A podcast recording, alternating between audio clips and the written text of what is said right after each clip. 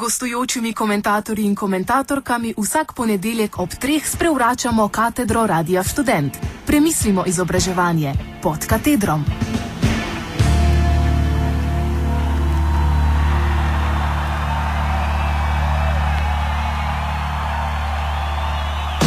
We don't need no education.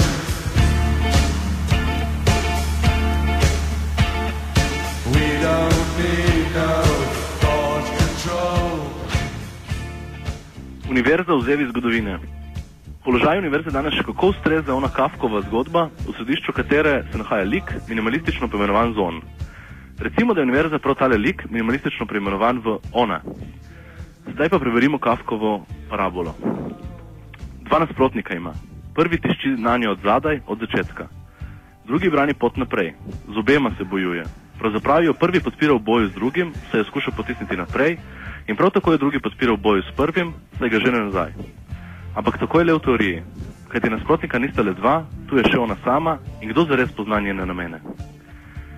Skratka, stvar je na vides enostavna, ona je umeščena v sedanjost, na katero pritiskajo sile preteklosti in sile prihodnosti.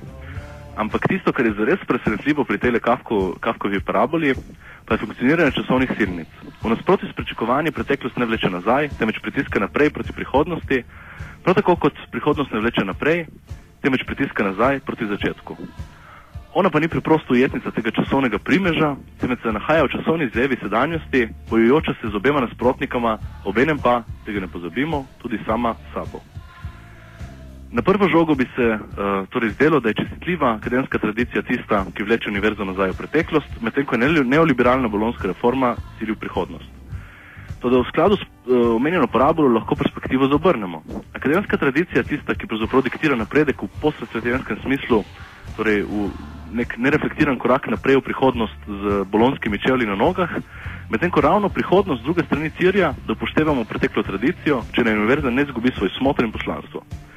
Ni na ključe, da se bolonska reforma izpeljuje ravno s sklicovanjem na tradicijo, s čimer po eni strani uvaja neoliberalno komercializacijo univerzitetnih dejavnosti, po drugi strani pa reproducira okostenelo akademsko strukturo z ustrezajočimi militaristično-crkvenimi hierarhijami.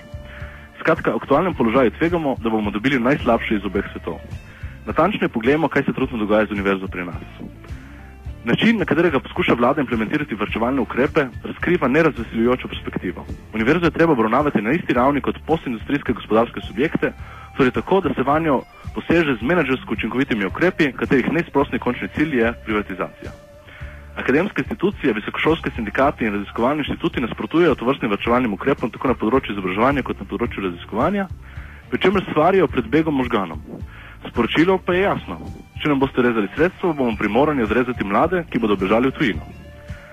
Vrčevalni ukrepi bodo tako neposredno prizadeli predvsem mlade, posredno pa sam pedagoški in raziskovalni proces, anksijan režim akademskih hierarhij in razmeri moči, znotraj njega pa se ne bo spremenil.